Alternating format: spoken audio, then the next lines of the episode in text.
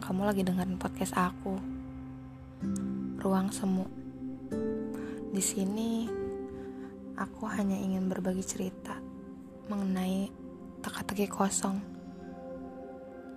Seharusnya dari awal aku sadar bahwa aku tidak pernah hidup dalam kehidupan dia yang sebenarnya. Ternyata aku hanya hidup di dalam sebuah ekspektasiku yang diiringi sebuah teka-teki kosong dan belum menemukan jawabannya. Setiap saat terlintas sebuah pertanyaan-pertanyaan yang mungkin seharusnya segera ditanyakan.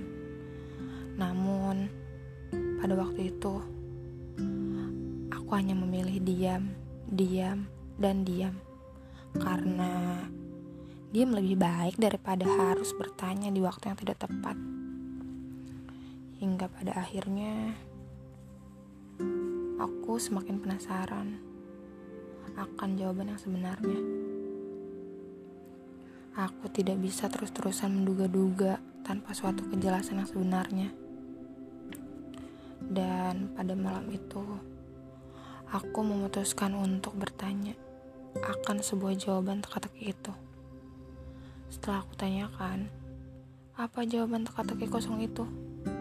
Dia hanya menjawab, Aku tidak tahu.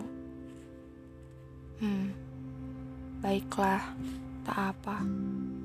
Aku sudah menduganya akan jawaban yang akan keluar dari mulutmu.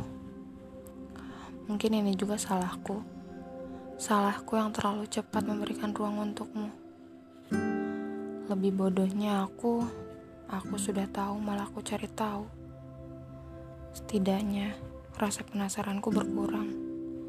Dan meskipun tak ada jawaban dan tak ada kepastian, begitupun antara aku dan dia.